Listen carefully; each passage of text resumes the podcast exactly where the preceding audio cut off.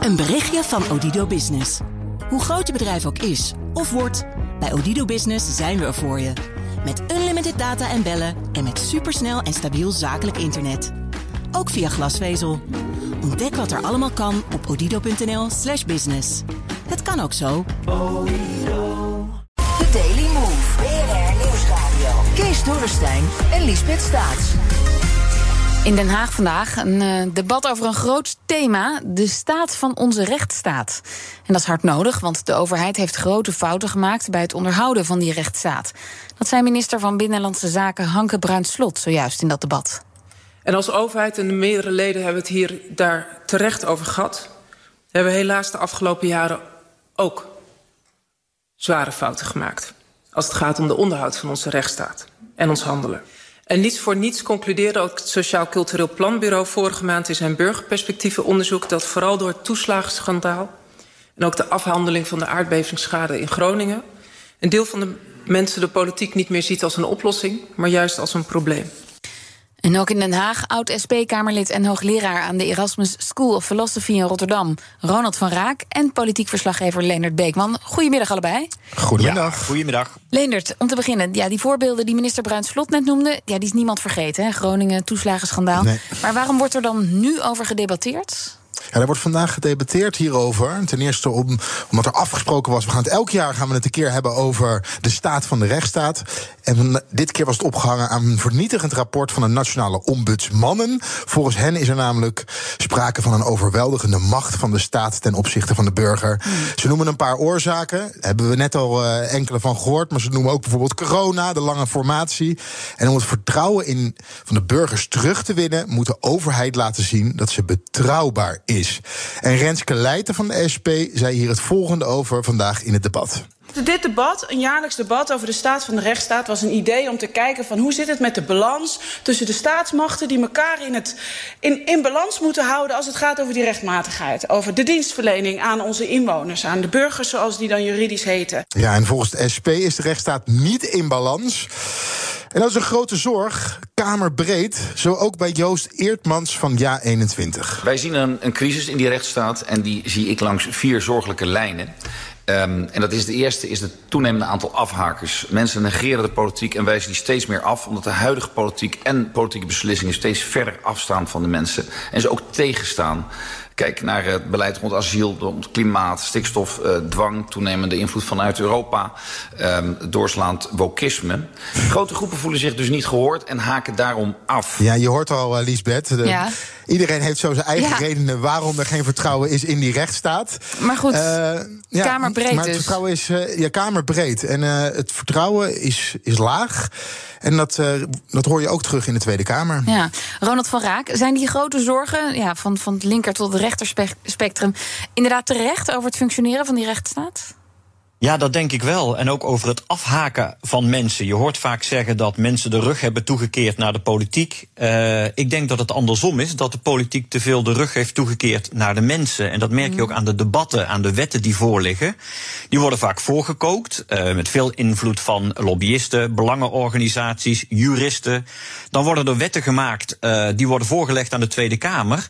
En dan kan de Tweede Kamer daar eigenlijk maar heel weinig aan veranderen, omdat coalities daarachter staan. Of überhaupt uh, eigenlijk de mogelijkheden om te veranderen. Of om daar een echt een inhoudelijk ideologisch politiek debat over te voeren, heel klein zijn. En dan ben je als burger, kijk je naar zo'n technisch debat en dan ja. denk je al snel, ja, dat gaat niet over mij. Nee. En, Meneer Van Raak, um, de nationale ombudsmannen spreken ook over dat er te veel sprake is van maatwerk. En dat er te weinig gekeken wordt hoe je het systeem op orde brengt. Ja, precies. Uh, nou, laten we dat voorbeeld nemen van die toeslagen. Er zijn heel erg veel toeslagen. Maar dat is natuurlijk, toeslagen zijn een teken dat het systeem niet goed werkt. Dat betekent dat de regelingen niet goed werken. Dat er uh, de inkomens van mensen niet genoeg zijn. De organisaties niet goed genoeg werken. En daarvoor zijn die toeslagen nodig. En zo zie je dat de oplossing in het systeem wordt gezocht. Waardoor het systeem steeds ingewikkelder werd. En ik zag vandaag de woordvoerder van de VVD zeggen dat de overheid een ontembare term termietenheuvel is.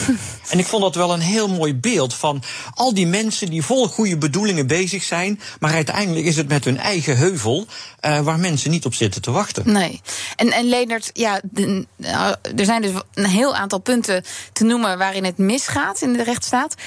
Dat toeslagenschandaal, hoe vaak wordt dat dan genoemd? Ja, dat toeslagenschandaal. Uiteraard, als je het over de staat van de rechtsstaat hebt, komt dat continu terug in het debat. Zo ook bij de Partij van de Arbeid. En zij benoemde daarbij ook de hardvochtigheid van het beleid, zoals uh, de woordvoerder zei. Je hoeft maar met mensen van de toeslagenaffaire te spreken of um, gedupeerden van de gaswinning in Groningen, waar ik zelf vandaan kom. En je snapt waarom mensen het vertrouwen verliezen in de democratie, het vertrouwen verliezen in de rechtsstaat. Omdat de overheid zelf heel hard is voor deze mensen en dat beleid heel hardvochtig uitpakt voor heel veel mensen. Ja, meneer Van Raak, hardvochtig, dat woord valt hier. Onderschrijft u dat punt? Ja, absoluut. En wat ik ook vond uit het debat spreken was onmacht. De woordvoerder van het CDA had het over schaamte als het gaat om de toeslagen. Ik denk dat dat heel terecht is. Mm -hmm. um, maar wat, wat ik zag is dat iedereen het eigenlijk wil oplossen. Er is niemand in de Kamer, niemand op de ministeries die het niet wil oplossen. Alleen het lukt niet. Ja. En er zitten nu nog heel veel ouders uh, die niet gecompenseerd zijn. Uh, en er wordt nu ook gezegd dat het nog vele jaren gaat duren. Misschien zelfs tot 2030. Nog steeds wordt de informatie niet gegeven die de Kamer vraagt. Nog steeds uh, worden de kinderen niet goed behandeld van die toeslagenouders. Dus er is ook een hele grote onmacht. Iedereen zegt ja, het moet nu veranderen en we willen dat het verandert. Maar op een of andere manier gebeurt het niet. Nee. En, en, en Leendert, Pieter Omtzigt kwam ook nog aan het woord. En dat ging dan over corona. Ja, onder andere. Maar dat ging wat meneer Van Raak nu ook zegt. Je hoort eigenlijk dat er een hele grote wil is, hè? ook vanuit de Kamer. Bijvoorbeeld. Uh, ja, niemand is tegen het, tegen het verloederen van de rechtsstaat. Nou, ze zijn wel tegen het verloederen van de rechtsstaat. Maar iedereen wil daar iets. Hè, iedereen is het erover eens dat het niet goed gaat. Dat er, uh, dat er veel fout gaat. Onder andere de informatievoorziening. Ook de manier waarop we met burgers omgaan. Uh, daar heeft de Kamer eigenlijk staan ze zij aan zij. Maar tegenover wie staan ze dan? Tegen het kabinet. En daar zei Omzicht iets over, over deze ontwikkeling. Nou, in zijn algemeenheid vind ik het problematisch dat we sinds de coronacrisis aan de ene kant een formele staatsstructuur hebben, een ministerraad waar besluiten genomen worden, en aan de, andere, en aan de andere kant een informele bestuurscultuur. Dus de besluiten worden niet in de ministerraad genomen, maar worden eerst in het coalitieoverleg en op dit moment in het katshuis genomen. We zouden wetten moeten goedkeuren en dan zouden ze in werking moeten treden. En bij hoge uitzondering mag een regering iets eerder geld uitgeven. Completeitswet 2.27. Die uitzondering is de regel geworden. Dus tientallen miljarden worden uitgegeven voordat de Kamer hier toestemming mm. geeft. Nou, laten we hier eens even een voorbeeld uh, geven, Liesbeth. Het prijsplafond werd net voor Prinsjesdag werd dat in een weekend in elkaar getikt. Oh ja. En daar kwam het kabinet mee op Prinsjesdag. Kijk, we hebben dat geregeld. Moest nog langs de Kamer, was nog niet eens in de ministerraad besproken. Nou, dat is zo'n voorbeeld. Gaat echt over miljarden gaat het. Dat is zo'n voorbeeld waarvan een omzicht zegt dat het gaat niet goed. En in tijden van corona hebben we dat ook gezien. Eerst werd er in het katshuis gesproken. En daarna ging het pas richting de ministerraad. En tot slot kon de Kamer er nog iets van vinden. Ja. ja dat is echt de omgekeerde wereld. Ja, is dat ook precies wat u bedoelt, meneer Van Raak? Ja, en zo zie je dat de afgelopen jaren, decennia, eigenlijk de politiek uit de politiek is verdwenen. Alle problemen zijn een managementprobleem geworden. Mm -hmm. uh, en er worden consultants ingeschakeld, ambtenaren ingeschakeld, er worden technische oplossingen bedacht. En zo wordt voorbijgegaan aan het politieke debat over wat voor keuzes wenselijk zijn. Hoe wij omgaan met mensen, in wat voor land wij willen wonen. Ja. En dat zorgt er niet alleen voor dat mensen afhaken omdat ze denken van ja, die techneuten in Den Haag, wat heb ik daarmee te maken? Maar je ziet ook dat er slechte wetten worden gemaakt omdat alternatieven niet worden bekeken. Nee, Op het moment dat zo'n technisch afgekaarte wet eenmaal in de Kamer komt, is het eigenlijk heel moeilijk om daar nog een serieus ja. ideologisch debat over te voeren. Dus, Moeten ja. we ook wel even zeggen, meneer Van Raak, want nu klinkt het net alsof alles hier misgaat in de Tweede Kamer. Ik weet dat uw partij, de SP, geen voorstander was van de nieuwe pensioenwet, maar daar Maar bij, bij de nieuwe pensioenwet kunnen we toch wel zeggen dat hij in ieder geval tot in den treuren behandeld is in de Tweede Kamer. Ja. En dat dat precies zo gegaan is zoals het hoort te gaan. 100 uur, voor toch? artikel. 100 uur Ja, debat. 100 plus uur debat daarover geweest. Dus laten we, we moeten nu, eh, in ieder geval wil ik dat nog wel even gezegd hebben. Er gaan ook dingen goed. Ja. En, eh, Ja, maar ik vind dat wel een interessant voorbeeld. Want daar is heel veel over gedebatteerd. En ik wil niet zeggen dat ik al die 100 uur gezien heb. Maar ook dat ging veel over technische zaken en over uitvoerbaarheid. En eigenlijk niet over wat voor soort systeem we willen hebben. Willen we een collectief of een individueel systeem? Willen we een systeem met zekerheid? Of willen we een, zeker, willen we een systeem met risico? Meer over visie moet het dan gaan, zegt snel de, de, de techniek in is gegaan. Ja, dus het moet meer gaan over visie.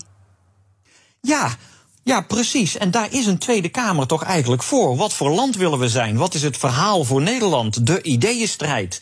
En eh, dat, dat merk ik dat dat nog eh, heel moeilijk is. Meneer eh, Van, eh, van Raak, wordt er sowieso eigenlijk niet te veel gedebatteerd in Den Haag? Want ja, die, die- ik ken niemand die dan klaar gaat zitten om dat te volgen... om het maar allemaal goed te begrijpen. Moet de overheid Ja, niet minder debatteren en meer goed communiceren? Eh, dat, maar er zijn, als er veel uitvoeringsproblemen zijn, zul je ook zien dat Kamerleden op elk probleem aanslaan. En dat elk individueel probleem besproken Ja, moet om worden. zichzelf ook te profileren. Uh, zeker, dat speelt ook zeker mee. Uh, dat gebeurt. En ik vind ook dat er uh, veel te veel uh, kleine debatjes over de, de waan van de dag worden gevoerd. En eigenlijk te weinig debatten over grote wetten. Of ja. zoals nu over de staat van de rechtsstaat. Maar je moet als Kamerlid, als er dingen in de uitvoering misgaat gaan daar ook aandacht voor blijven vragen. Het probleem is denk ik niet in de eerste plaats dat Kamerleden aan, uh, aandacht vragen voor misstanden, maar dat er te weinig wordt nagedacht om hoe die misstanden te voorkomen. Ja, Leonard, was er nog uh, in het debat tijd voor de asieldeal? Is die nog ter sprake gekomen? Ja, zeker. En dat werd ook wel breder getrokken. Want het komt er eigenlijk op neer dat als je als burger of als natuurorganisatie uh, tegenover de staat komt te staan in de rechtszaal, uh, dan heb je een probleem. De staat gaat namelijk net zo lang door totdat ze bij de hoogste rechter zijn. Hebben een lange adem, uh, veel, geld. veel geld ook daarvoor. Ja. ja en dan moet je maar, jij moet de lange adem en de financiële middelen ook maar hebben. En de nareismaatregel is natuurlijk een heel pijnlijk besluit geweest. Bij lage recht is aan tafel uh, uh, of, geveegd. Hè. De, ja. Nu al opgeschort. We moeten nog een uitspraak van de Raad van State krijgen. Maar eigenlijk willens en wetens heeft het kabinet een maatregel ingevoerd. Tegen alle adviezen in. En die lijkt ja. nu door de recht, bij de rechter te gaan sneuvelen. Dus, en dat is toch een manier ja. waarop hier ook is gezegd. Zo horen we geen politiek te bedrijven. En tot slot, Ronald van Raak. Ja, dit is nogal een reus van een probleem hè, waarover gedebatteerd werd. Waar begin je met een oplossing? Ja, laten we beginnen met uh, nadenken over wat je rol is. Je moet rolvast zijn. Wat is nou de rol van een ambtenaar? Wat is de rol van een belangenorganisatie? Wat is de rol van de Kamer? En ik denk dat het, ja, het is een beetje raar om dat als oud-Kamerlid te zeggen, want dan zegt u, waarom hebt u dat zelf niet beter gedaan? uh, maar ik denk dat de Tweede Kamer heel goed moet nadenken over zijn rol en meer politiek moet gaan voeren, meer politieke debatten ja. moet gaan voeren, zodat de, het debat ook herkenbaarder wordt en ook alternatieven beter bekeken kunnen worden. En, en, en toch wat minder dat eenrichtingsverkeer, uh, waar nu toch sprake van is. Ronald van Raak en politiek verslaggever Leonard Beekman, dank jullie wel. Een berichtje van Odido Business. Hoe groot je bedrijf ook is of wordt, bij Odido Business zijn we er voor je. Met unlimited data en bellen en met supersnel en stabiel zakelijk internet. Ook via glasvezel. Ontdek wat er allemaal kan op odido.nl/slash business. Het kan ook zo.